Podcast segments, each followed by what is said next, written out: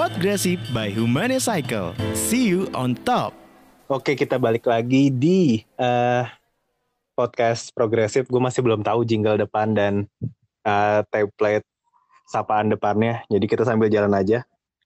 Uh, sekarang masuk ke episode ke tiga untuk season pertama. Uh, langsung aja lah hari ini gue kedatangan temen yang belum cukup lama sebenarnya kenal kayaknya dari tahun 2016 atau 15 lah. Uh, eh, gue kenal orang ini dikenalin temen gue di dan pertemuan pertemuan pertamanya di coffee shop. Dan lagi-lagi coffee shop menjadi uh, tempat atau platform lah platform pertama salah satu platform terbesar gue untuk menemukan teman-teman baru Ya, langsung aja dengan siapa di sana? Halo Lan. Yo. Ya, gue dengan Davin. Gue temen Erlan. Labelnya jangan temen gue dong. kalau misalnya nggak bahas label lo di, di, di kalau misalnya lo harus milih label lo apa apa Vin? Lo sebagai entrepreneur, oh. sebagai karyawan atau apa Vin? Untuk sekarang bisa dibilang part time karyawan full time entrepreneur ya biar biar ini ya. Sedap. Biar tetap ada jiwa-jiwanya ya jiwa tetap okay. harus ada. Iya iya iya iya ya. uh, ceritain dikit dong apa uh, nggak usah disebutin kantor atau usaha juga nggak apa-apa tapi kalau mau sebutin sih gue nggak masalah. Uh, ceritain aktivitas lo lah tentang si part time karyawan dan si uh, full time entrepreneurnya. Oke okay uh, sekarang ini gue udah sekitar satu tahun bekerja di salah satu kantor di bilangan Sudirman, Jakarta Selatan.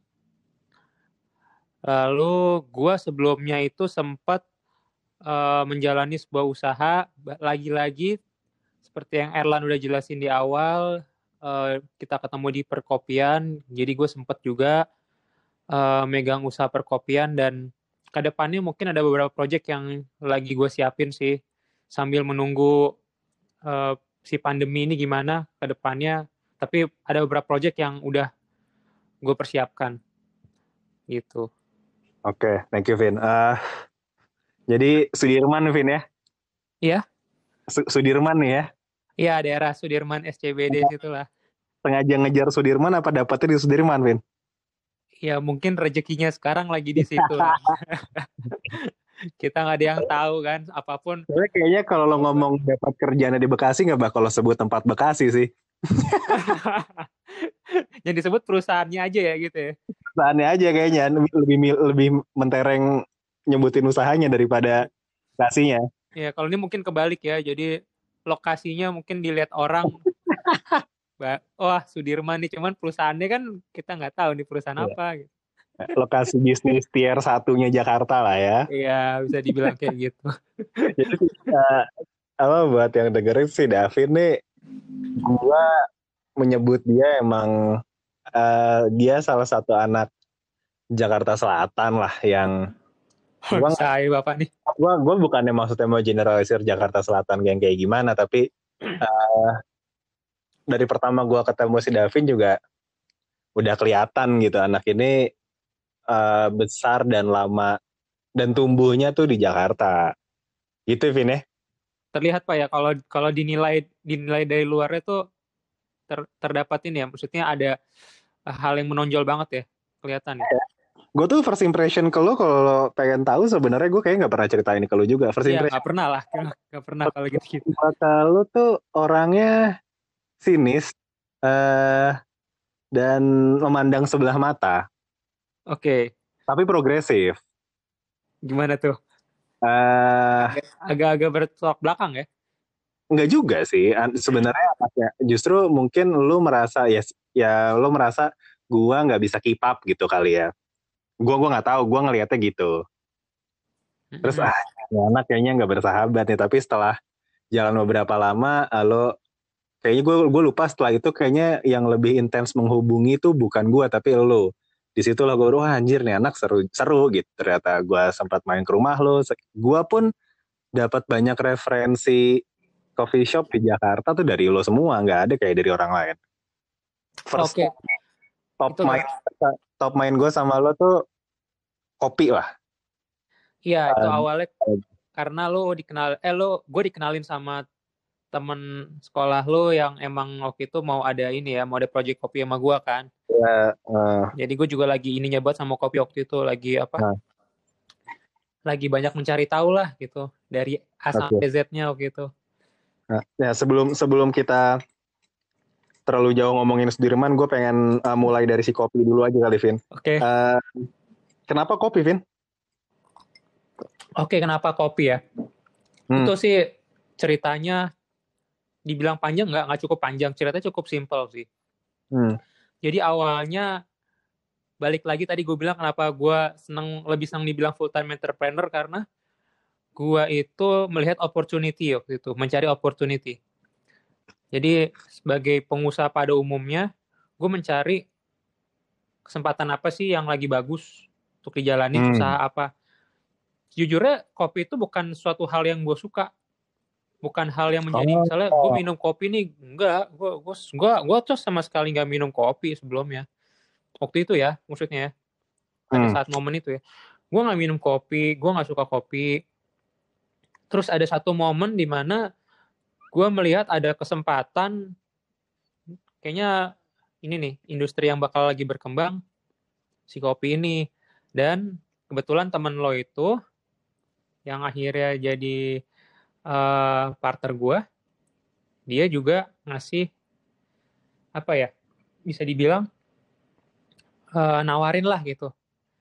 Nawarin eh gimana kalau kita coba nih untuk eh, mendalami kopi? Karena opportunity lagi bagus nih. Ya udah. Jadi gua itu masuk ke dunia kopi karena opportunity bukan karena gue suka kopi. Yang Hmm. gue ceritain di sini. Oke karena gue lihat opportunity bagus gue mencoba untuk mendalami. Jadi gue waktu itu sempat pertama kali ya itu yang dilakukan pada orang pada umumnya mencari tahu kopi dengan cara datang ke tempat-tempat kopi nyobain kopi. Terus gue sempat sekolah juga ambil course gitu. Nggak lama course cuma tiga hari.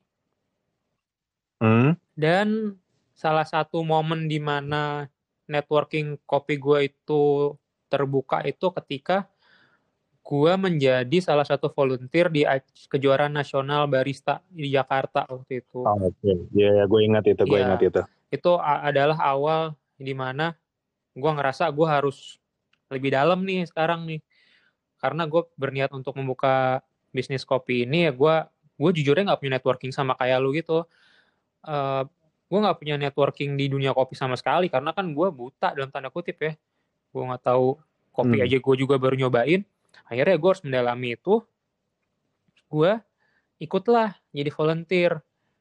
Setelah dari dari situ tuh networking gue mulai kebuka karena pertama kali gue opening tempat gue itu barista yang gue hire juga itu dari acara volunteer itu. Oh, lu juga scouting lah ya di situ. Ya, scouting bisa dibilang kenal kenal kenal kenal. Oke, dari situ jadi tim opening gue juga dari kenal volunteer. Setelah itu tempat gue juga berkembang nambah barista.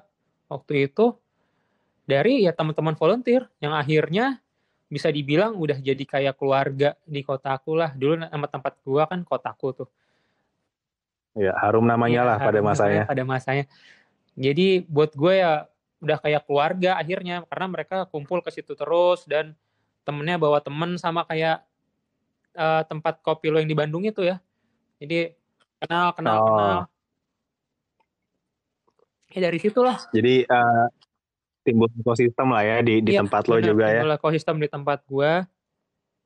Cuman pada akhirnya tempat itu nggak lanjut dan gue sekarang jadi melanjutkan eh, kegiatan gue di kantor yang tadi gue ceritain di awal di Sudirman itu. Nah, nah eh, eh, jadi se- sebenarnya kayaknya gue mau lo punya cerita yang sama kalau eh, tentang si ekosistem kopi itu. Tapi gue pengen tahu ini Iya. sih, Vin.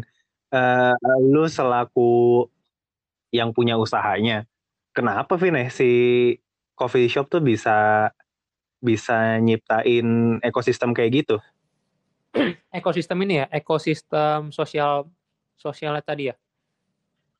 Betul, jadi gue jelasin dulu nih takutnya ntar eh, nggak pada nggak eh, kena dulu sih maksudnya yang gue Iya. tanya ekosist- ekosistem tuh gimana. Jadi eh, gue tuh punya pengalaman di coffee shop dapat teman-teman baru yang yang out of circle gue sebenarnya. Eh, jauh dari circle gue cuman bener-bener gara-gara nongkrong eh, terus bisa kenal dan jadi bukan sekedar kenal jadi cukup intim gitu eh, pertemanannya. Nah eh, itu sih maksud gue sih ekosistem. Nah gue yang gue tanyain ke Lovin ya tentang itu juga. Eh, kalau dari sudut pandang lo kenapa sih coffee shop tuh kok jadi kok bisa nyiptain tempat yang seperti itu gitu? Kalau em, dari pengalaman gue ya, kalau dari pengalaman gue, Ya. ekosistem itu bisa terbentuk ketika emang si karyawan atau barista atau ya siapa pun yang in charge di tempat itu juga involve untuk bisa mengembangkan ekosistem di dalamnya, Lan. Kalau misalkan baristanya cuma sekedar ya udah gue kerja pulang kerja pulang tanpa berusaha mengembangkan networking juga sebenarnya nggak bakal bisa bisa terbangun itu ekosistem. Kebetulan Oke. di tempat gua waktu itu emang barista cukup aktif. Mereka bawa bisa dibilang bawa networkingnya, bawa eh, teman-temannya ke situ dan teman-temannya juga nggak cuman maksudnya datang terus udah datang sekedar datang pergi datang pergi enggak tapi emang ada interaksi di situ antara gua jadinya dan si customer-customer yang tadi dibawa oleh barista itu yang mengakibatkan adanya komunikasi dan ekosistem itu terbentuk lah. Jadi kalau menurut gue sih emang ada peran awalnya tuh dari internal si coffee shop itu dulu sih. Gimana caranya jadi baristanya seben- itu juga atau ownernya emang berusaha untuk ya gimana pun caranya membentuk suatu ekosistem di tempat itu. Oke. Jadi sih sebenarnya peran terbesar dalam ngebangun ekosistem di coffee shop tuh dari dari personil internalnya Iya, ya betul. Dalamnya sebenarnya. Nah, kalau misalnya orang-orangnya mah ke sana ya punya urusan masing-masing ya. Kalau misalnya nggak di nggak diajak berkomunikasi, ya udah aja gitu. Benar. Benar.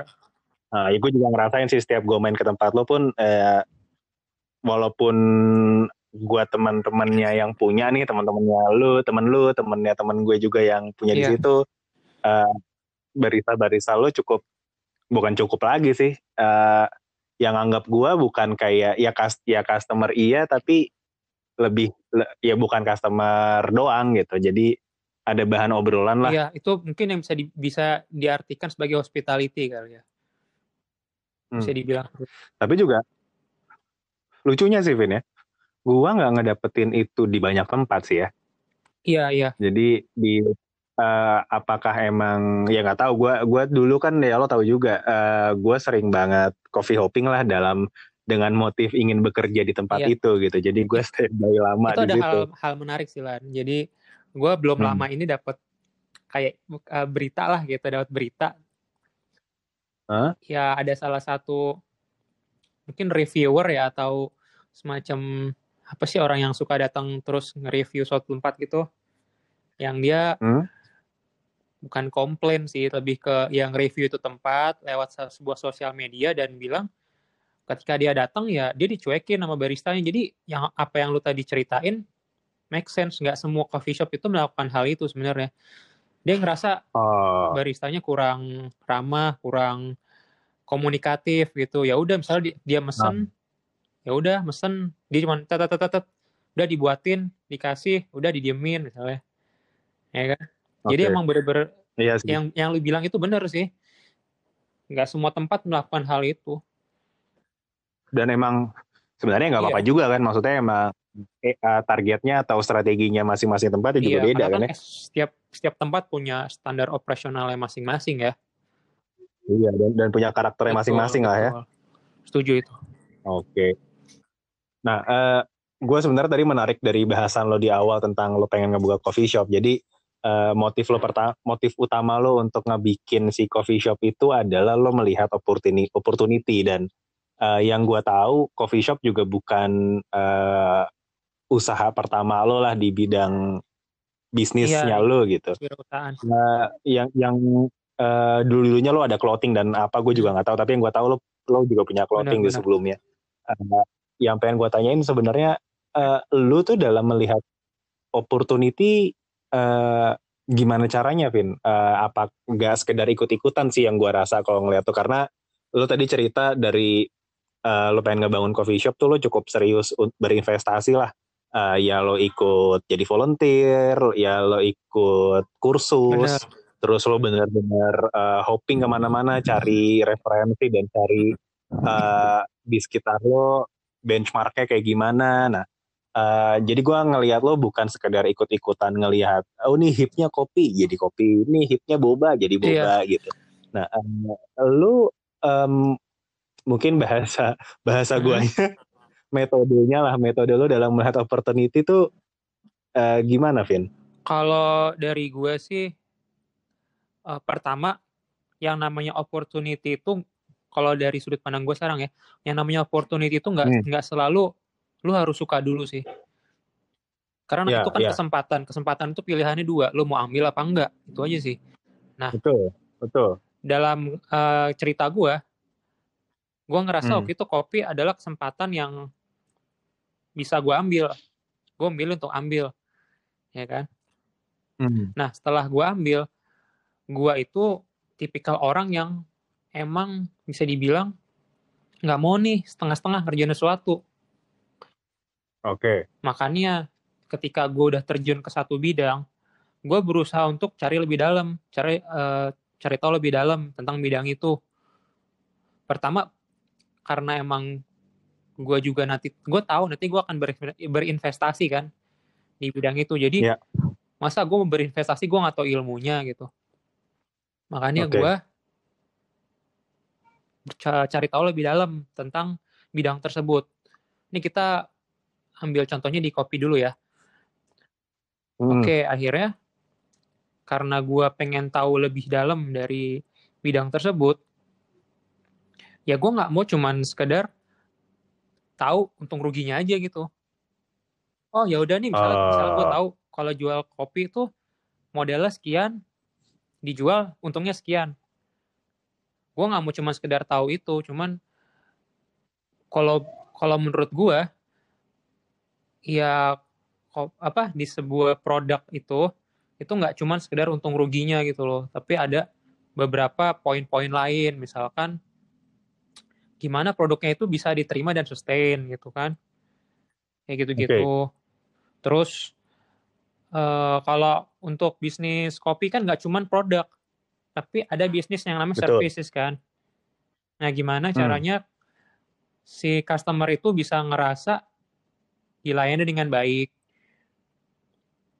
Jadi nggak cuman sekedar, oh ini tempat minumannya enak, di situ udah selesai. Jadi banyak ternyata tuh banyak banget uh, poin-poin atau hal-hal yang di luar produk yang juga harus dikembangkan. Termasuk uh. inilah, termasuk gimana caranya kita bisa interaksi tadi. Karena interaksi itu juga bisa dibilang value kita untuk bisa apa ya di tempat tuh ada nilainya berapa sih gitu nggak cuma sekedar eh, nggak uh, cuma sekedar dari produknya gitu itu sih oke jadi uh, si apa lo lo tuh uh, strategi si personil atau barista atau staff lo itu berinteraksi tuh udah masuk ke dalam visinya si kotaku tadi ya? Iya, selama selama okay. ini sih bukan selama ini sorry, selama waktu itu kotaku berjalan bisa dibilang kayak gitu. Ya, ya, ya. Tadi lo kayaknya uh, gue akhirnya ada nangkep apa bedanya si pedagang dan entrepreneurship. Uh, eh, gue bukan maksudnya mengecilkan pedagang hmm. sebenarnya pedagang yang yang jualan di warteg itu juga ya ya ya nggak apa-apa juga bagus bagus juga gitu. Tapi uh, kan sekarang fenomenanya banyak orang yang mengaku entrepreneurship hmm. aja, Vin. Gitu. Uh, tanpa tanpa gue ya intinya tadi ya gue bukan mengecilkan si kata-kata pedagang tadi. Uh, gue pun uh, dengan apa yang gue sedang lakukan sekarang proyek-proyek kecil-kecilan gue gue juga bilangnya gue pedagang gitu. Tapi uh, yang gue tangkap karena lo nge-labelin diri lo juga full time entrepreneur entrepreneur si entrepreneur tuh punya visi lain selain cuan. Iya, benar. ya nggak sih itu bisa jadi salah satu kategori yang entrepreneur Iya. kali ya jadi apa uh, lo menjual nilai lain selain uh, hanya nggak nggak cuma bisnis oriented Iya. gitu ya Karena gue bisa gue bisa bilangnya gini, kalau bedanya pedagang sama entrepreneur itu, pedagang Nah. itu bisa bisa bisa aja dia menjual barang yang sama tanpa harus menambahkan value dari barang yang dia jual. Kalau entrepreneur itu itu dia menambahkan sebuah nilai pada barang yang mau dia jual nanti. Dan gue melihatnya nilai itu tuh nggak cuman sekedar misalkan lu jual kopi, lu tuh nambahin nilai itu nggak Ah. cuman sekedar misalnya kopinya lo bikin rasa A, rasa B enggak, tapi service itu juga termasuk sebuah nilai gitu. oke Kalau dari sudut pandang gue, menarik ya, itu yang namanya adding adding value bedanya bedanya pedagang sama si entrepreneur. Jadi gue menganggapnya misalnya Ah. warteg pun entrepreneur sih, gitu. karena kan dia menambahkan Oh, nilai gitu. ya. Dia kan nggak jual tempe mentah. Jadi yang bukan entrepreneur apa, orek misalnya gitu. Nah, ya- yang bukan entrepreneur apa berarti Ya misalkan dia jual pisang, dia beli pisang seribu, dia jual pisang lagi harganya 1.500 gitu, dia untung gope. oh Kalau menurut gua ya, pedagang ya gitu. Udah cuma ngedagangin barang yang sama, dia nggak usah nambahin nilai apa. Kalau entrepreneur menurut gue Iya, misalnya lu iya. jual pisang, lu jadiin pisang goreng. jadi menambahkan menambahkan nilai tertentu dalam produk atau jasa yang ditawarkan gitulah ya, Ya, kurang lebih ya Kalau dari sudut pandang gue sih entrepreneur seperti itu ya. Jadi lo lo lo eh, nah ini, ini menarik eh eh, usaha pertama lo apa dan kapan Vin? Usaha pertama gua itu, yang gua inget ya, usaha pertama gua Hmm. itu pas gue masih sekolah, sekolah SMA. SMA, SMA. kelas kelas 2 kali ya. Jadi Hmm? itu gue dagang tuh.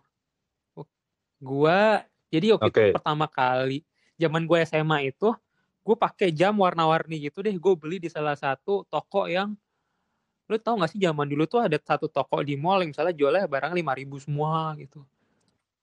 Oh tahu gue tahu gue. dulu ya di mall tuh. Ya, gue lupa Iya. namanya apa tapi gue ngerti gue ngerti. Terus suatu hari ceritanya tuh gue pakai jam itu, gue beli di toko itu kan.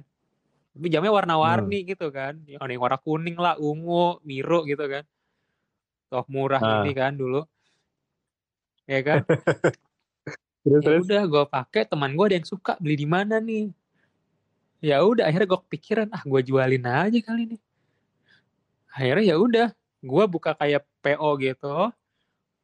Siapa yang Nah. mau ya udah gue list. Misalnya 10 orang.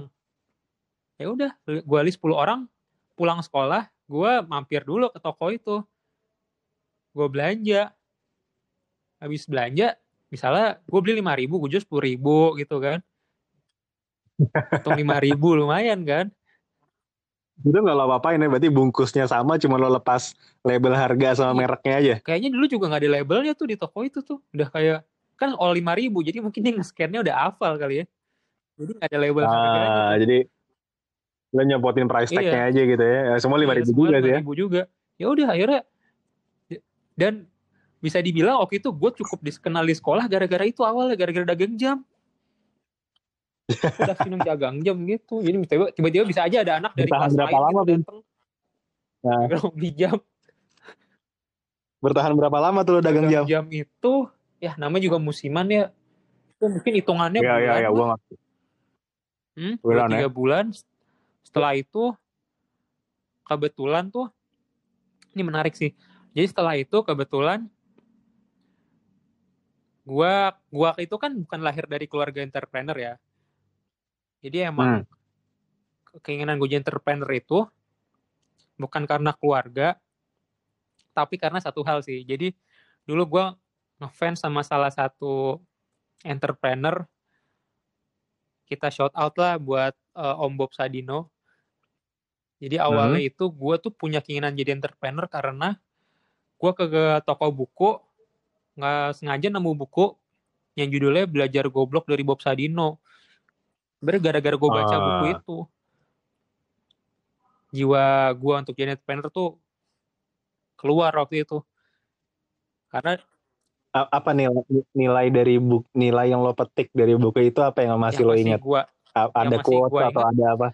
yang udah jelas sih kata-kata Bob Sadino yang paling mungkin orang juga udah pada pernah denger ya yang eh, orang goblok apa orang goblok itu bakal mempekerjakan orang pinter lah intinya itulah lu lu pernah Hmm. gak sih kata-kata itu yang Ya kurang lebih gue Iya. pernah dengar sih. jadi kan karena dia goblok ya udah dia mempekerjakan orang pinter malah orang pinternya kerja sama dia lah pokoknya yang gue tangkep gitulah yang yang Ah. yang yang yang jadi apa ya yang jadi pesan buat gue itu adalah jangan mandang orang itu dari grades-nya terus misalnya lu lulus dari mana? Karena gue melihat masih banyak orang-orang yang masih mandang itu lu lulusan mana? gitu. Lu S berapa? gitu kan. Seakan-akan itu apa ya kayak jadi ini loh patokan lo untuk oh nih gue ngomong sama yang udah S2 nih jadi gue harus lebih tinggi. Sebenarnya kan lu ngomong sama siapa pun ya udah Ah. sama. aja sama rata kalau buat gue ya. Sama, iya, iya betul betul. ini kita jadi Hmm. ngomongin lebih ke va- value ya iya Iyalah. iya Arahan lo ke situ. ya kayak gitu lah jadi yang yang gue sangat apa ya waktu itu kagumin dari Om Bob Sadino adalah ya itu tadi gimana caranya Ah. dia dia mungkin karena karena dari bawah juga ya jadi dia mandang orang itu buat gue dia nggak ngelihat kayak wah ini karena dia direktur nih jadi gue harus lebih beda nih dari mandang yang cuman anak buah doang yang cuman karyawan doang enggak nggak kayak gitu gitu ya sama aja semua orang ya sama Iya iya ngerti gue. Nah ini eh, nyambung ke pengalaman lo berusaha juga sih dan dan pengalaman lo dalam me- memandang eh, orang tuh harus sama aja. Nah menarik sebenarnya. Eh, gue pengen tanya ini, Vin. Eh, lo pas lo punya usaha kayak gitu kan lo punya punya barista, lo punya Iya. staff gitu ya yang kerja sama lo. Eh, berarti kan lo mengalami eh, proses rekrutmen. Iya, Nah, gue kan nggak pernah nih ngerekrut orang. Eh, maksudnya ngerekrutmen orang dalam dalam waktu yang panjang lah. Kalau by project by project itu gue tinggal ngajak teman-teman itu bukan nggak termasuk. Menurut gue sih nggak termasuk dalam nge-hire orang secara serius gitu. Eh, nah, lu eh, di yang ya lu bisa ceritain di kotaku ataupun di, di ya, usaha-usaha sebelumnya. Yang lo tanyain ke ke ke calon-calon yang kerja sama lo, pertanyaan kuncinya apa, Vin? pertanyaan kunci gue nah gue inget-inget ya karena biasanya kan gue Nah. kalau interview itu nggak cuman gue doang ya Iya. Iya ya, gue ngerti. Ada Pasti ada ada ada ada tiga empat orang lah yang teman-teman yang punya tem- Iya. usahanya juga kan. ikut tuh Hmm. Tapi kalau dari personal lu, maksudnya eh, pertanyaan kunci lu yang lo harap jawabannya eh, sevisi sama lo tuh pertanyaannya kayak apa? gue sebenarnya sih kalau interview orang sejujurnya tuh nggak terlalu banyak nanya jadi gue pertama Ya. kan awalnya pasti bayar recommendation kan dari misalnya teman volunteer gue Pasti. Kan Oh, jadi lu udah Iya, profilnya nih ya? Udah tahu profil dari eh, at least maksudnya gue direkomendasiin sama orang yang gue percaya gitu kan. Prinsip gue Hmm. sih selama lo bisa dipercaya, ya lo bakal tetap dapat kepercayaan gue gitu. Nah, tapi masalahnya kan gini, Vin. Kalau misalnya orang eh gue nih sebagai sebagai pekerja nih ya, ya- yang selalu diinterview kalau mau kerja, eh, pasti kan eh, sebagai calon pekerja gue akan menampilkan hal yang yang oke-okenya lah, yang bagus-bagusnya gitu, dan akan menyembunyikan yang jelek-jeleknya. Nah, strategi lo untuk bisa melihat orang itu eh bener Iya, gitu, meyakinkan- Ben- meyakinkan bener ya. maksudnya? Ya, ya, meyakinkan eh, eh, di luar dari by recommendation ya. Karena lu punya pandangan bahwa lu harus melihat orang pertama ya objektif dulu gitu. Nah, eh, kira mungkin bukan pertanyaan yang lokasi deh, kesan kesan apa yang bisa lo tangkap dari orang yang eh, menurut lo cocok kerja sama lo? Orang yang kayak gimana? Eh, orang yang menurut gue ya, ini ini ini menarik. Hmm. Jadi gue juga sempat ada tuh kejadian uh, gue mau hire satu orang tapi pilihannya dua gitu terus di satu sisi gue struknya sama A yang lain malah struknya sama B tapi akhirnya yang di hire Hmm. yang A gitu. Nah itu kan Oke. berarti kan eh, ini ini sama kayak pertanyaan lo kan berarti kok gue ngeliat apa sih? Kok gue lebih serak sama yang A gitu orang yang lain serak sama yang B? Jadi kalau kalau dari gue pribadi gue itu ngelihat pertama kebutuhan di tempat gue dulu lah. Jadi misalkan eh, anak buah gue ada tiga keluar satu tinggal dua. Nah yang satu ini keluar ini tipenya kayak gimana it's, it's like kayak kalau buat gue ini kayak main Oh. bola kayak tim bola nih gue bikin tim bola Ya, ya, ya, ya, kalau ya, yang ya. keluar gue back gue nggak mungkin ngerekrut striker Ya, ya, ya, ini ya, kayak ya. manajemen kayak man- jadi manajer bola aja nih karena Ah. ini ini ini salah satu hal yang kebetulan ternyata pas gue kerja di kantor yang sekarang ini kita jadi loncat-loncat ya ceritanya Ya, jadi nggak apa-apa. kerja di kantor yang sekarang itu ternyata direktur gua pun pakai prinsip seperti itu jadi ya kita Iya, kita mau pasti. main bola kita sebagai tim satu jadi kiper satu jadi striker satu jadi midfielder yang satu ngumpan nah tapi yang ngegolin misalnya si A ya yang B jangan berkecil hati karena dia nggak ngegolin gitu karena kan kita tim nah sama Oke. balik lagi tadi ke kebutuhan barista yang gua lihat itu kebutuhan di bar gue dulu apa sih misalkan oke itu misalnya yang keluar barista gue cowok gue akan gue akan lebih apa ya gue akan lebih mengutamakan gue akan nyari yang cowok dulu pertama gitu kan Oke, oke, oke, oke. Itu Hmm. menarik sih. Ah. Ya, gue juga mengalami hal itu sih. Iya, ya, ya kayak gitulah kurang lebih. Jadi kalau pertanyaan itu buat gue sih lebih teknis ya. Gue lebih mengutamakan ini tim gue butuh apa dulu nih? Butuh pemain role yang kayak gimana? Bukan berarti nanti Hmm, pemain itu gue iya, iya. masukin ke tim sama kayak tim bola lah. Pemain ada satu pemain mainnya jago nih, dimasukin ke tim belum tentu chemistry-nya dapet kan? Itu resiko ngerti emang. gue. Cuman at least Iya, gue iya, iya. berusaha untuk menjawab kebutuhan tim gue dulu gitu. Nah, jadi ini, ini ini cukup bisa jadi strategi yang denger sih, misalnya yang dengar eh, lagi nyari kerjaan, eh, coba dikulik dulu tuh eh, tempat usahanya lagi butuh yang kayak Ya, gimana. bener. Terus eh, coba fit in sama kebutuhan si Ya, tempat cuman usahanya ya. Perusahaan sekarang gitu nggak sih Lan? Setahu gue, ya kan bener. Iya, kan? Dia juga gue juga gue sebagai pekerja juga ngalamin hal itu. Jadi pas gue pertama kali kerja di konsultan, eh gue kira gue punya prestasi yang oke gitu dalam, oh gue bisain, gue gue kayak jago banget, gue bisa iya, gue yang diterima gitu. Taunya dia pas gitu gue masuk, berpikirnya. eh, pas gue masuk, oh ternyata, oh bangke ternyata dia emang lagi butuh orang yang kayak Iya, gini. jadi dia sebenarnya pengen hire, Bukan, jadi banyak ternyata yang lebih jago daripada Iya. gue gitu. dia pengen hire yang dia butuhnya apa doang gitu kan. Iya, iya. Ya, itu make sense sih. Jadi eh, bukan kalau misalnya men- eh, sebagai calon pekerja kita cuma jual yang oke-okenya aja tanpa menjelaskan kita spesifik bisa apa, kayaknya perusahaan malah anjir nih orang gue udah punya nih orang yang kayak gini Iya. gitu ya. Jadi kayak cerita gue tadi ya kan, gue ada dua pilihan tuh. Terus yang lain pilihnya Hmm. A, eh pilihnya B, gue pilihnya A. Kebetulan karena Hmm. yang B itu cewek, yang A itu cowok. Nah, yang barista gue yang keluar itu cowok. Jadi gue berusaha untuk ya cowok diganti sama cowok juga. It- itu pertama. Ah, oke. Kedua, gue melihat yang keluar itu tuh dulu punya schedule yang cukup fleksibel. Jadi gue memilih untuk mana di antara Ah. dua ini yang jauh lebih fleksibel schedule-nya. Gue pasti bakal memprioritaskan orang itu. Nah lo berusaha ngisi lubang Bener. yang sama lah ya. Walaupun pada akhirnya beberapa momen setelah gue meng-hire si B, si A juga di-hire gitu karena ya turnover gitu kan. Turnover perusahaan. Iya, iya, ya, ngerti, ngerti.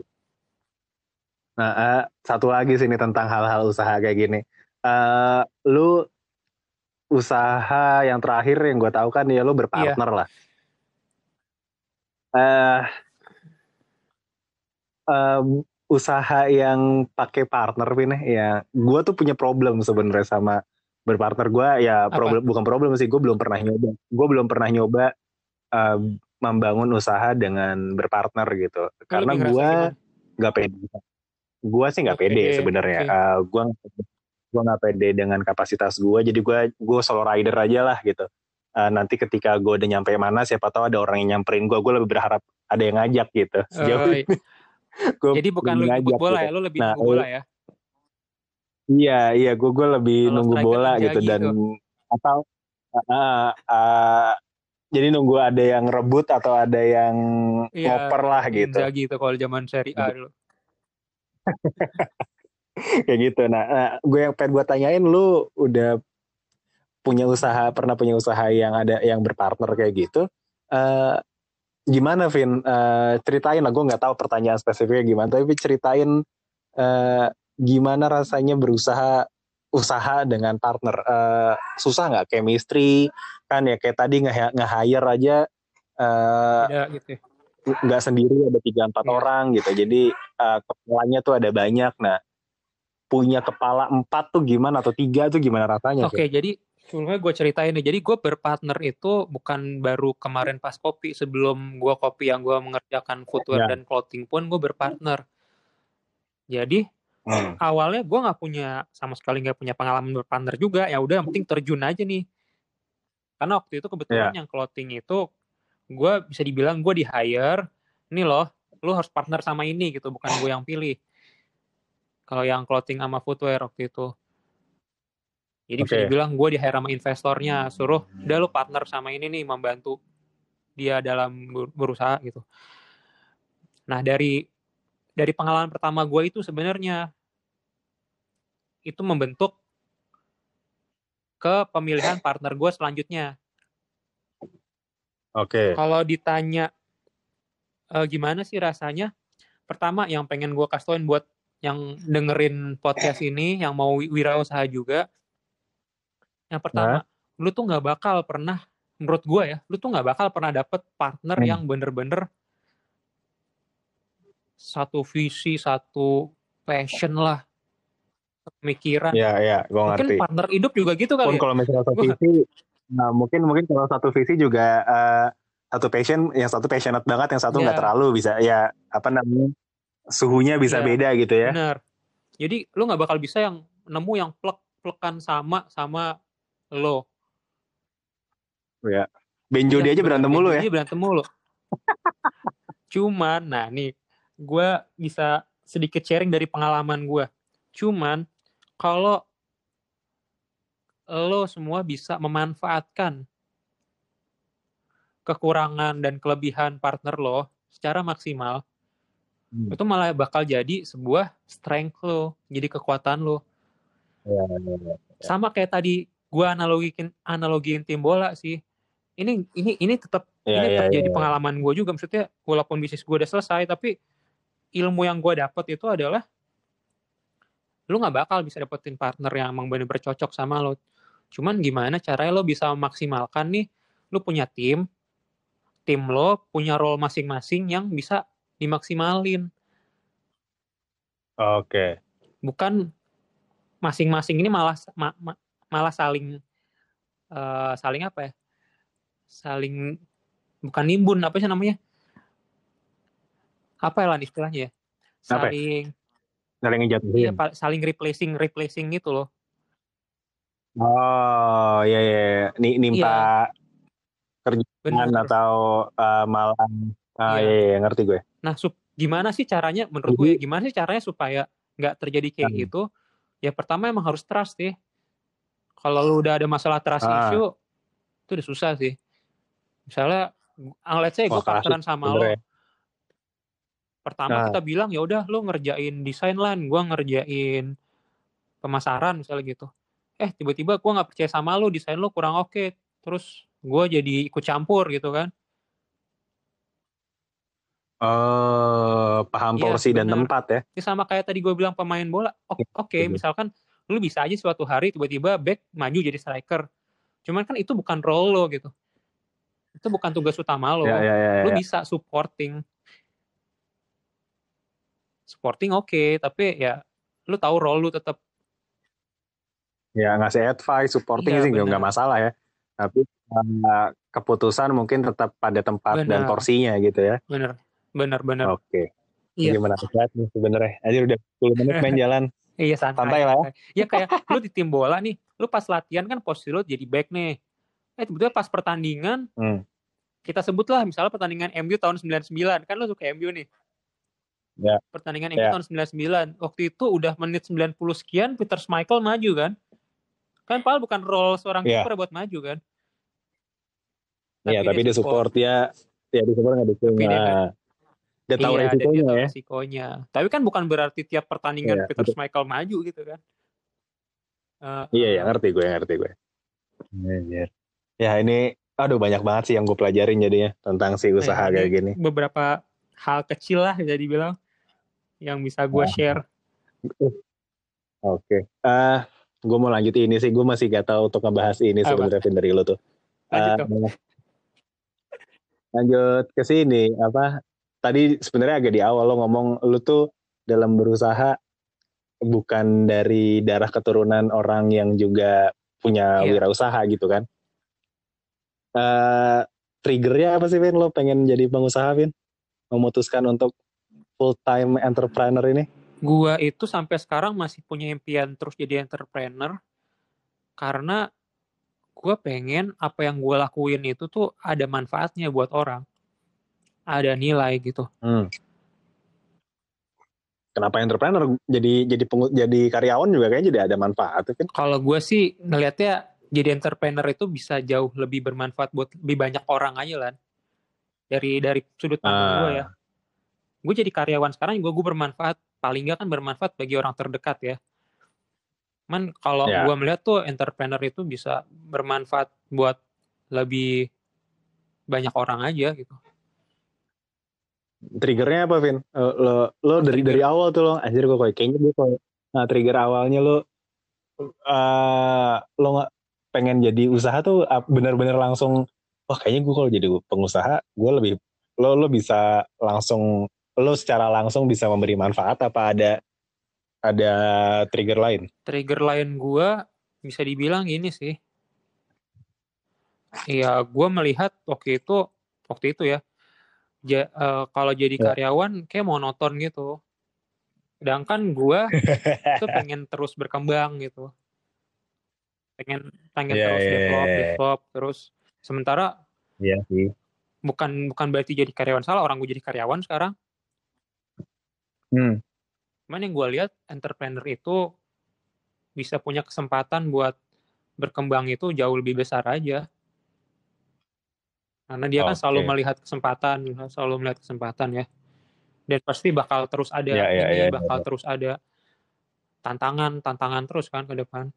Hmm. Kayak Ya itu sih yang gue salut, yang gue salut dari lu dan dari pengusaha-pengusaha lain kayak eh, jiwa jiwa hustlernya tuh keuji terus gitu. Jadi yang ya itu eh, kalau lagi jadi karyawan kan ya kerja yang baik, yang sesuai target, gaji akan masuk, dapat Iya, THR gitu-gitu kan. Ya itu juga harus disyukuri. Gue juga nggak Hmm. jadi karyawan, cuman eh eh, gua nggak mau, bukan nggak mau sih, belum mau memulai dan ya merasa takut lah untuk jadi pengusaha tuh karena itu. eh gue takut nggak kuat dan nggak bisa sustain dalam menjalankannya gitu loh. Itu itu sih gue salutin ada ada jiwa hasilnya itu loh. Yang abis ini apa, abis ini ngapain, abis itu apa. Iya. Ya nggak sih? Iya. Harus kayak gitu nggak sih? Pokoknya iya kan kalau kalau kalau usaha man- satu ide mandek terus dipakai 10 tahun kan Iya. nggak bakal relevan kan? karena Nah. gimana lah Ngejaga, ngejaga ngejaga konsistensinya gimana, Vin? ngejaga konsistensinya Untuk lo bisa terus berpikir dan mencetuskan ide abis ini ngapain, abis itu mau apa. itu kalau menurut gue sih itu balik lagi ke pertama soul lo itu harus emang bener-bener entrepreneur ya gitu. Jadi kalau Iya, iya, iya. emang jiwa lo itu udah wirausaha, lo pasti ngelakuin apa pun caranya sih supaya lo tetap bisa bikin bisnis lo sustain gitu. Cuman ya resikonya tadi Iya. pasti banyak Iya faktor-faktor yang di luar dari diri lo yang nggak bisa lo kontrol yang jadi Ya. ya bukan hambatan sih tak lebih ke tantangan gitu ya kayak gue kemarin misalkan usaha gue berhenti kan bukan berarti gue nggak ada jiwa wah gue nggak ada jiwa kopi lagi enggak bukan itu gitu Masih ya? kalau dibilang jiwa kopi sih bukan jiwa kopi jiwa bisnisnya ya tapi gue merasa Ah, kalau kopi sekarang tuh di Indonesia tuh gue nggak tahu kenapa bisnis itu gampang banget di ininya ya, di duplikasinya ya jadi ad- iya ada satu pastilah. ada satu yang Pasti lagi hype ya udah tiba-tiba menjamurnya tuh secepat secepat itu Tapi kan emang emang emang kayak gitu, Vin. Bisnisnya apa? eh, orang kayaknya nggak cuman lu juga yang ngelihat kopi itu sebagai Iya. opportunity gitu. Jadi Iya. sebelum itu. Jadi gitu. maksudnya gini, kalau lu pengen bermain di bidang yang sama tapi momennya udah hilang, pasti beda sama ketika lo momennya itu masih bagus. Let's say misalnya gue mau bikin Ah. kopi lagi, sekarang mungkin gue bakal lebih mikir gitu karena momennya udah telat buat gue ya, kalau buat gue ya. Iya, iya, iya. Kalau kalau sekarang kayaknya lebih lebih sulit lagi apalagi dengan Iya. si pandemik ini lah ya, Cak. strategi dan lain-lainnya harus harus lebih ya Iya, harus bener. dipikirin lagi Business lah ya. services kan bisa dibilang lagi goyang banget gitu kan. Iya, main retail, F&B kayaknya lagi F&B malah naik sih sebenarnya. Tapi retail tuh Iya, lagi itu lagi turun. Makanya untuk orang yang mau bisnis bisnis Iya, iya. retail pun sekarang mungkin lagi pada di hold nih. Iya. Nah, lagi ngomongin retail kayak gini, Vin, lo kan sebagai konsumen retail yang yang cukup Iya. produktif ya. lo paham lah nih gue bawa-bawa Iya ke mana iya gue tahu bahasannya. gue tahu. Dari dari gue gue tuh lagi lagi gue ulangin dulu nih. Lu gue tuh kenal lu dari tahun ya 2016-an kayak gitu. Di situ lu tuh lagi lagi lagi ya? demen-demennya sama getol-getolnya tuh sama streetwear tuh yang yang masih sampai yang yang masih sampai sekarang kadang masih gue anggap skeptis anjir nih orang ngapain eh baju mahal-mahal mulu. Mas, mas gitu mahal ya ganteng sih. iya iya buat gue buat gue maksudnya gitu gue kalau Iya, mahal murah gue ya kan relatif tapi eh, yang gue yang gue skeptis dan gue gue juga di, di di waktu yang sama gue merasa salut sama lo tuh kalau eh bisa segitunya melihat streetwear tuh meter gitu loh. Apa sangat sangat penting gitu. Kalau gue sampai sekarang ngelihat Supreme dan ngelihat brand-brand lainnya tuh kayak anjir nih orang-orang ngapain sih? gitu. Eh, membangga-banggakan hal yang yang yang gitu aja gitu. Lo tuh ngelihat apa aja sih Vin? Dari hal-hal kayak gitu Vin? Kalau dari, dari sudut pandang gue ya dari gue, gue itu Hah? suka brand itu nggak nggak melulu brand yang emang lagi hype gitu. ya ya gue ngelihat itu dari lo juga sih Eh, jadi lo tuh nggak cuma ngikut eh, barang yang mahal Iya. atau barang yang tren gitu tapi lo nah makanya lo tuh konsisten gitu loh bisa bisa ngelihat tren Ini dan dan yang yang subculture-nya ini ceritanya cukup sama depth kayak lah. kopi An. Jadi kan tadi gue cerita, gue tuh mau masuk kopi aja, gue harus tahu lebih dalam kan tentang. Nah ini Ya. sekarang gue putar balik lagi. Jadi ini ada cerita. eh, sebelum kopi kan gue sempat bisnis streetwear tadi ya, bisnis sneakers, clothing. clothing. Nah, Pas gue diajak Ah. untuk bisnis sneakers dan clothing ini, sama gue melakukan hal yang sama seperti gue ketika gue bisnis kopi. Jadi gue mendalami streetwear itu di situ Oh. dari partner gue juga. Partner gue yang ngasih Ah. gue referensi gini gini gini loh. Ada beberapa brand nih dia tuh Hmm. dia tuh apa approachingnya tuh ke konsumen kayak begini. Itu yang gue pelajarin. Ya, ya, ya. Dan ketika gue belajarin gue tertarik. jadi. Kenapa? Kenapa Oke, tertarik? oke, Karena oke, ternyata lu jualan baju, lu jualan aparel dan lain-lain tuh nggak sekedar cuman ya udah gue jual baju, lu pakai enggak, tapi kayak ada story-nya behind dari si brand itu. Itu yang Iya, iya, gue ngerti. Iya. Jadi itu yang itu lo bisa iya, appreciate hal itu lah ya. Ada iya value itu lainnya. awal-awal gitu. kenapa gue jadi bisa dibilang entusias lah sama Iya, banget. Nah, walaupun gue sampai sekarang masih nggak nangkep sih. termasuk brand lokal ya. Karena kan awal-awal kan gue megang brand itu kan bisa dibilang brand Indonesia kan brand lokal kan. jadinya waktu itu gue juga pelajarin brand lokal tuh gimana approachingnya ke, kas- ke customer cuman emang yang punya value atau punya story yang digali banget itu emang masih brand luar sih waktu itu ya sekitar tahun 2013-14 gitu deh itu masih brand luar yang yang Hmm. yang masih kuat lah di story-nya gitu baru brand-brand lokal sekarang baru ngikutin Jadi nggak cuma lagi lokal. berkembang banget kan brand lokal nih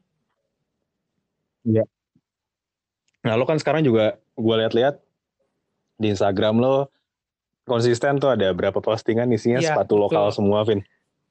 ya yang mau follow jangan lupa ya di follow Instagram Eh ya, ya gue masukin ke description lah profile lo lah. iya Masih single juga yang nih Davin. kenalan bisa langsung DM langsung gimana gimana lah Nah, eh eh, gue pun sekarang udah dalam fase mengappreciate brand lokal sebenarnya. Walaupun kadang gue suka sebel sama glorifikasi. cuman lu Ah, kan apa sih jargonnya? mengapresiasi Eh, lu mengapresiasi coffee shop lokal kan Iya, iya. Nah, yang yang gue nggak suka itu glorifikasinya, Vin. Maksud gue yang yang gue nggak suka tuh kayak suka meng, suka gini, support brand lokal. Nah, gue tuh nggak suka tuh Indonesia support gitu, brand suka lokal. Nah, bangga buat Indonesia suka tuh gue nggak suka tuh. Karena karena makanan enak tuh ya makanan enak.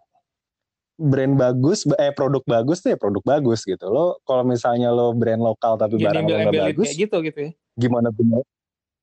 Ya, ngapain ngapain harus gue Iya. support gitu loh, ya nggak sih?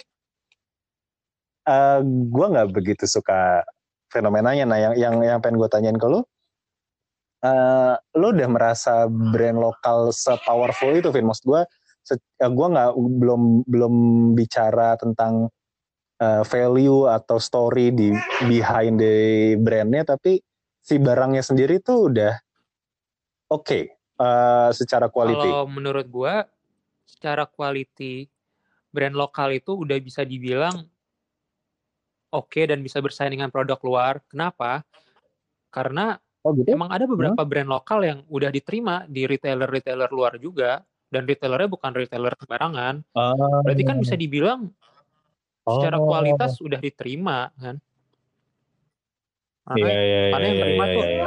rata-rata emang ini rata- rata-rata emang retailer-retailer yang cukup melihat kualitas gitu kan apalagi retailer luar ya misalnya Jepang gitu wah Jepang itu kan standarnya tinggi kan Iya. nah ada beberapa brand lokal Indonesia yang bisa masuk ke retailer di Jepang berarti kan bisa dibilang standarnya udah apa ya mencukupi lah Iya. jadi kalau untuk kualitas beberapa brand di Indonesia udah bisa bersaing sama brand luar secara kualitas produk ya Oh Mhm. gitu, itu dari tahu tuh. udah Udah ada yang sampai sini ke kita Jepang. nggak usah mention mention nama brandnya ya Sepatu nih tuh. jadi ntar kita jadi Ya nggak usah lah, ngapain. Nah, nah ya, ya, ken- kenapa gue tanyain ini ke lu karena kayaknya lu udah cukup valid untuk gue tanyain hal-hal kayak gitu. Lu udah lama main di wardrobe-wardrobe kayak gitu, terus ya gue lihat di fit-fit lo terakhir juga lu cukup eh, banyak lah punya tuh barang gitu. Dan kayaknya lu puas-puas aja ya. Ada yang mengecewakan nggak sih? Ada. ada aja Ada Kalau aja ya mengecewakan sih ada aja yang Oh gitu, mengecewakan ini dari kualitas produk dari kualitas produknya. dari kualitas produknya Ah. Soalnya karena kalau kalau gue lihat cuman dari profil Instagram dan dari dari ceritanya mah ya itu mah bisa dibungkus lah dengan copywriting yang bagus dan lain-lainnya tapi ya tadi eh, produknya udah bagus Benar, atau jadi belum itu sih. kalau masalah produk bagus apa enggak gue bisa bilang kalau untuk sneakers itu kan baru berkembang banget ya Indonesia ya yang, yang gue mention tadi itu yang Ya. udah masuk ke retailer luar pun rata-rata masih aparel ya sneaker belum banyak sih iya Oh sneaker belum Apparel banyak, lumayan. apparel udah lumayan. apa lumayan seni Hmm, ya karena apparel ya ya ya, ya. lo lo pernah cerita sih. Ya kayaknya gue tahu deh apparel Jepang yang lo apparel Ah, Indonesia kan- udah masuk ke Jepang itu. Iya, Itu udah- gue pernah cerita kan, sama lu juga. Kalau ap- aparel kan bisa dibilang Ah, Indonesia itu udah berkembang dari lama lah ya. Karena dari dari zamannya banyak-banyak Hmm. event-event bazar-bazar tahu kan lo yang bazar-bazar di Senayan itu. Terus ada Ya, ada ya, yang ya. event-event fashion juga banyak kan brand-brand lokal. Jadi kan emang kalau Hmm. perkembangan Nah. si produk aparel itu kan emang udah lama ya.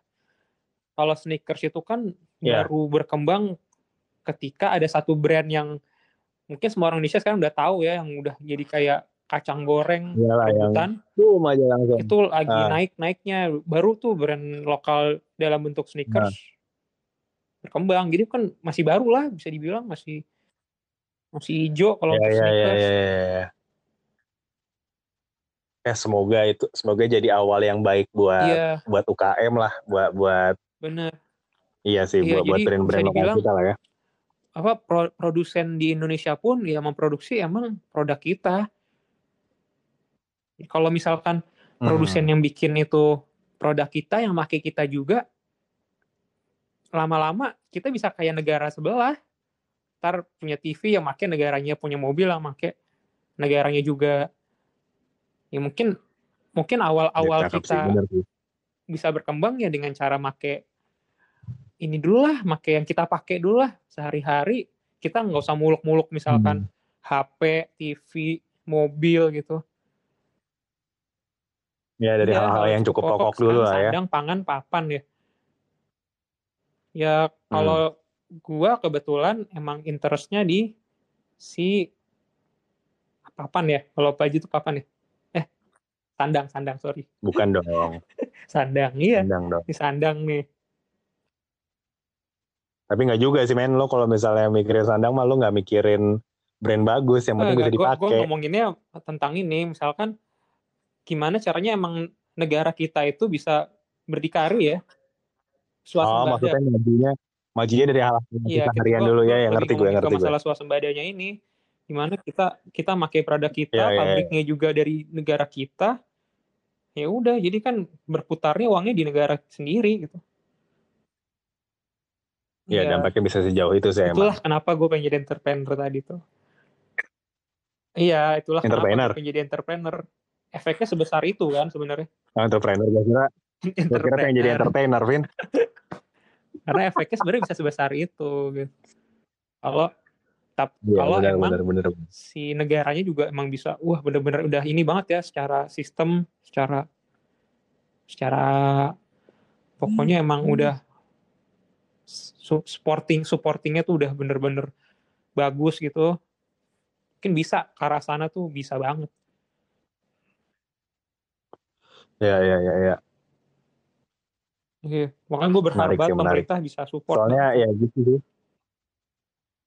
Iya eh, sih karena gue sih ya mungkin karena gue di desain juga ya jadi eh, eh, melihat ekonomi kreatif itu dan pariwisata lah kalau secara ya sistem pemerintahan sistem pemerintahannya jadi menteri nah, menteri kementerian ekonomi kreatif dan pariwisata tuh jadi ya mungkin ya itu karena gue desainer ya jadi jadi gue ngelihatnya salah satu jagoannya Indonesia Iya, seharusnya sebenarnya ya nggak sih itu.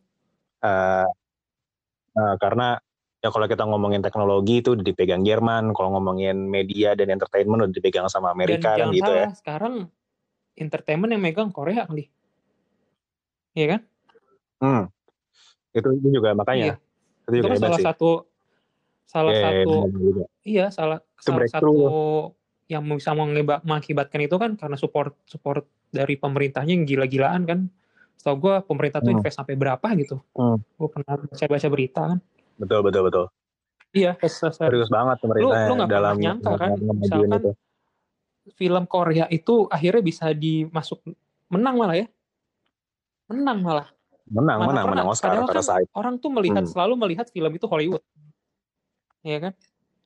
Ya jadi nggak menutup kemungkinan sebenarnya eh, brand-brand lokal Indonesia juga bisa ada di eh, benar bisa jadi ada di fashion show internasional lah ya. itu udah mulai sih udah mulai ini gue sedikit sharing udah mulai untuk Hmm. beberapa brand lokal waktu itu diajak ke salah satu trade show di Amerika yang cukup gede. Ya mereka ikutan ada lima brand lokal gitu. Hmm? yang ngajak yang ngajak itu ini dulu Oh. dulu masih Backcraft ya namanya iya Iya. Iya dulu tuh Backcraft yang ngajak ya yang sebagai craft udah ada sebenarnya arah ke sana gitu Hmm. Ya. Nah, ini ini ini kayaknya pertanyaan terakhir deh ya, yang mungkin bisa bisa jadi penutup dari segala macam pembahasan kita dari segala dari Iya. usaha sampai ngomongin brand lokal ini. Eh lo ngelakuin usaha, lo juga punya antusiasme yang cukup besar dalam brand lokal. Eh karena gini, problem yang gue lihat dari problemnya us, uh, usaha-usahanya di Indonesia yang Ya, yang lah ya. skalanya mungkin yang nggak korporat lah, yang yang menengah dan ekonomi Nah, atau ya ekonomi kreatif lah.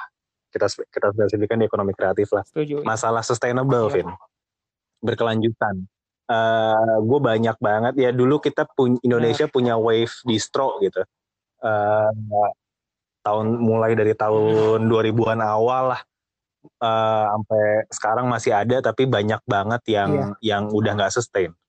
Eh, terus ada wave kopi, sekarang ada wave juga tentang si streetwear tadi yang lokal maksud gue terus brand-brand sneakers, apparel, apa pun itu di ekonomi kreatif. Em, kalau menurut lo gimana caranya si usaha atau ya usaha service atau produk biar bisa sustain? Karena itu menurut gue problem yang harus dipecahkan sih untuk kita bisa bisa maju ke internasional gitu. Ngelihat Korea itu Bener. usahanya udah nggak nggak sebentar, lama banget kan dia ngomongin. Eh, eh, sampai Iya. sekarang udah menumbuhkan hasil gitu. Nah, eh, menurut lo kalau u- eh, ngebuat atau me- ya ngebuat usaha yang berkelanjutan yang Kalau sustain terus gimana? Menurut gue sih, gimana caranya lo bikin usaha itu supaya bisa sustain? Yang pertama, lo punya satu produk yang emang itu original produk lo sih. Maksudnya itu produk mau di keadaan apa pun, di momen apa pun, emang itu udah jadi produk lo gitu. Dia nggak dia nggak ngikutin misalnya trennya berubah, dia nggak dia nggak ter dia nggak terganggu sama perubahan tren, dia nggak terganggu sama iklim ekonomi yang lagi gimana. Itu yang pertama sih, gimana caranya supaya bisnis lu bisa Hmm. sustain. Karena kalau lu nggak punya core produk satu Oke. nih emang udah jadi produk lo banget, sebenarnya itu jadi identity lo lah bisa dibilang gitu.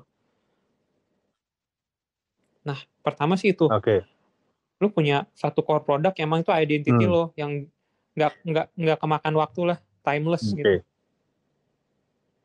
Kayak ya, gua nggak usah nyontohin lah banyak beberapa brand-brand termasuk brand sepatu yang mau zaman gimana nih fashion berubah-berubah tapi dia tetap ngeluarin produk itu aja. Orang tetap beli-beli aja. Iya sih. Dan yang Ya, ya, ya. ya.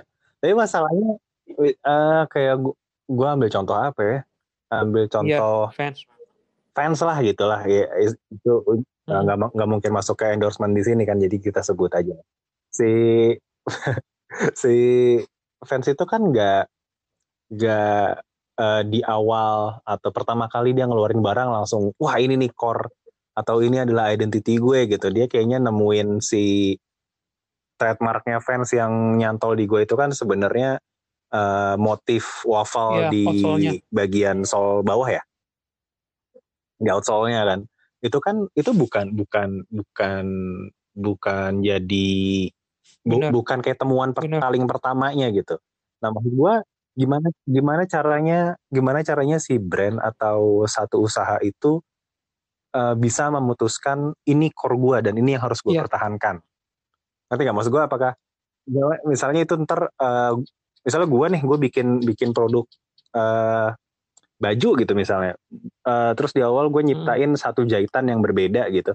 Di apakah gue langsung bisa klaim oh ini core gue ini, ini nggak akan eh, gue ubah-ubah ini jadi patennya gue dan ini yang dan eh, dan ini jagoan gue gitu. Terus apakah itu udah bisa jadi kunci bahwa brand Kalau sustain menurut gue itu bisa, itu bisa. Cuman nggak berarti ketika lu menemukan pertama langsung lu dapat nih polanya. Itu pasti itu pasti butuh proses gue yakin Nah, sih itu. butuh proses. Gitu. Mak ketika lu udah menemukan Nah. fo- formulanya, dan takutnya kita ngomongin formula ya. Kita udah nemuin formulanya. Kalau bisa itu yang lu keep gitu. Lu lu jadiin formula ah, untuk next produk lo mau keluarin. Karena gue gua ngerasa Ah, Setiap perusahaan atau setiap produk itu sebenarnya dia udah punya formula nih. Gimana caranya dia ngembangin formula yang udah dia punya. Iya. Tapi kan ini formula nggak bakal ya itu- ditemuin itulah- di pertama-tama, itulah- Vin ya. Eh, pentingnya eh, R- R&D ya. Pentingnya R&D di Ah. situ dan itu di eh, di bagian itu emang bisa dibilang apa ya? Eh, bukan ancaman. Itu tantangan buat lo. Gimana caranya lo tetap bisa Hmm? bertahan nih di usaha yang emang udah lu bangun. Oke. Emang di situ tantangannya. Oke. Karena Iya, iya. Hmm. Kalau kalau gua gua simpulin dari jawaban lo berarti eh, R&D-nya penting. Eh, jadi pertama kita mungkin bisa bikin satu ciri khas dulu ya, yang buat kita dulu. Terus itu di resetin, di di develop, di dikembangkan sampai kita merasa oh ini eh, ini udah yang paling pas dan itu jadi apa ya? Jadi eh, formula dan Iya, juga identity. jadi karakter Nanti- ya. Nantinya pun itu bakal jadi ident- identitas Ah. brand lo. Emang sih nemuin itu nggak langsung nggak langsung Hmm. begitu aja lu nemu gitu. Nah itu Berapa brand yang sukses sekarang juga nggak langsung gitu. Nah, ka- karena yang nah, karena yang gue takutin ketika orang-orang atau gue lah nggak gue nggak nyebut orang-orang ketika gue bikin sesuatu hal kayak gitu ketika gue udah ngerasa oh ini formula yang pas gue jadi Ya, lu untuk ngeriset ngerti nggak sih maksudnya gitu kan. nah, jadi gue berhenti untuk belajar lagi gitu inilah jagoan gue ya udah ini aja yang dipakai terus terus terus terus terus terus Sebenarnya formula itu lu pakai buat nyari income. Lu bikin formula baru itu, Heeh. kalau lu rugi, toh lu udah punya ini kan, udah punya pemasukan tetap dari formula lo kan. Itu Nah, berarti itu. Iya. Nah, itu itu sebenarnya poin yang melengkapi maksud gua. Eh, jadi eh, ketika kita sudah dapat formulanya, kita sudah percaya diri dengan itu, jangan stop berarti kan. Jangan stop untuk nge Iya. R&D lagi, untuk nge-research and benar. nge-develop sesuatu hal yang baru gitu. Jadi kita punya jagoan satu, nggak nggak menutup kemungkinan kita Benar. Dan punya jagoan dua, tiga, dan empatnya gitu kan. juga, Buat musisi, buat seniman, semua mereka Ya, semua ya. mus- apalagi musisi zaman sekarang ya Lan ya. Dia udah pakai formula Ya. mungkin sekarang ngelihat pasar dan lain-lain. Iya, lebih banyak strategi. Ya, banyak- banyak strateginya lah. Gue ngeliatnya, eh, ya. Karena iya zaman sekarang lagu bagus nggak cukup gitu ya. riset kali, udah ada risetnya kali karena enam teknologi juga udah maju, mungkin dia Mhm. udah ngelihat pendengarnya gimana, umur berapa, mungkin dia udah sampai sedetail itu. Ya. Bener bener. Ngamen kalau kita Nah, ngomongin musik diomongin di sejam lagi kayaknya nih. Iya di di di episode yang kita akan ketemu lagi lah karena teman gue itu itu aja kayaknya. Oke sih Vin, thank you banget Vin atas eh, Sama-sama. udah mau sama-sama. Gua juga undang Thank you banget ke sini. ruang, kasih kesempatan buat ngobrol sama lo, mengemukakan pendapat gua, mengem- mengemukakan apa ya eh, sudut pandang gua yang mungkin bisa bermanfaat buat pendengar Oke. juga. Oke sip, thank you banget sekali lagi eh, buat yang dengerin semua eh, semoga bermanfaat obrolan kali ini. Eh, untuk disclaimer aja, ini kita lakuin Ya, by online ya, kita nggak ketemu secara langsung. Kita ini peraturan pemerintah lah untuk kita physical distancing, tapi nggak menutup betul. eh, jalan silaturahminya kita lah. Oke, eh, sekali lagi terima kasih buat yang dengerin juga. Eh, gue tutup aja eh, episode kali ini. Eh, kita jumpa lagi di episode-episode berikutnya. Gua Erlan.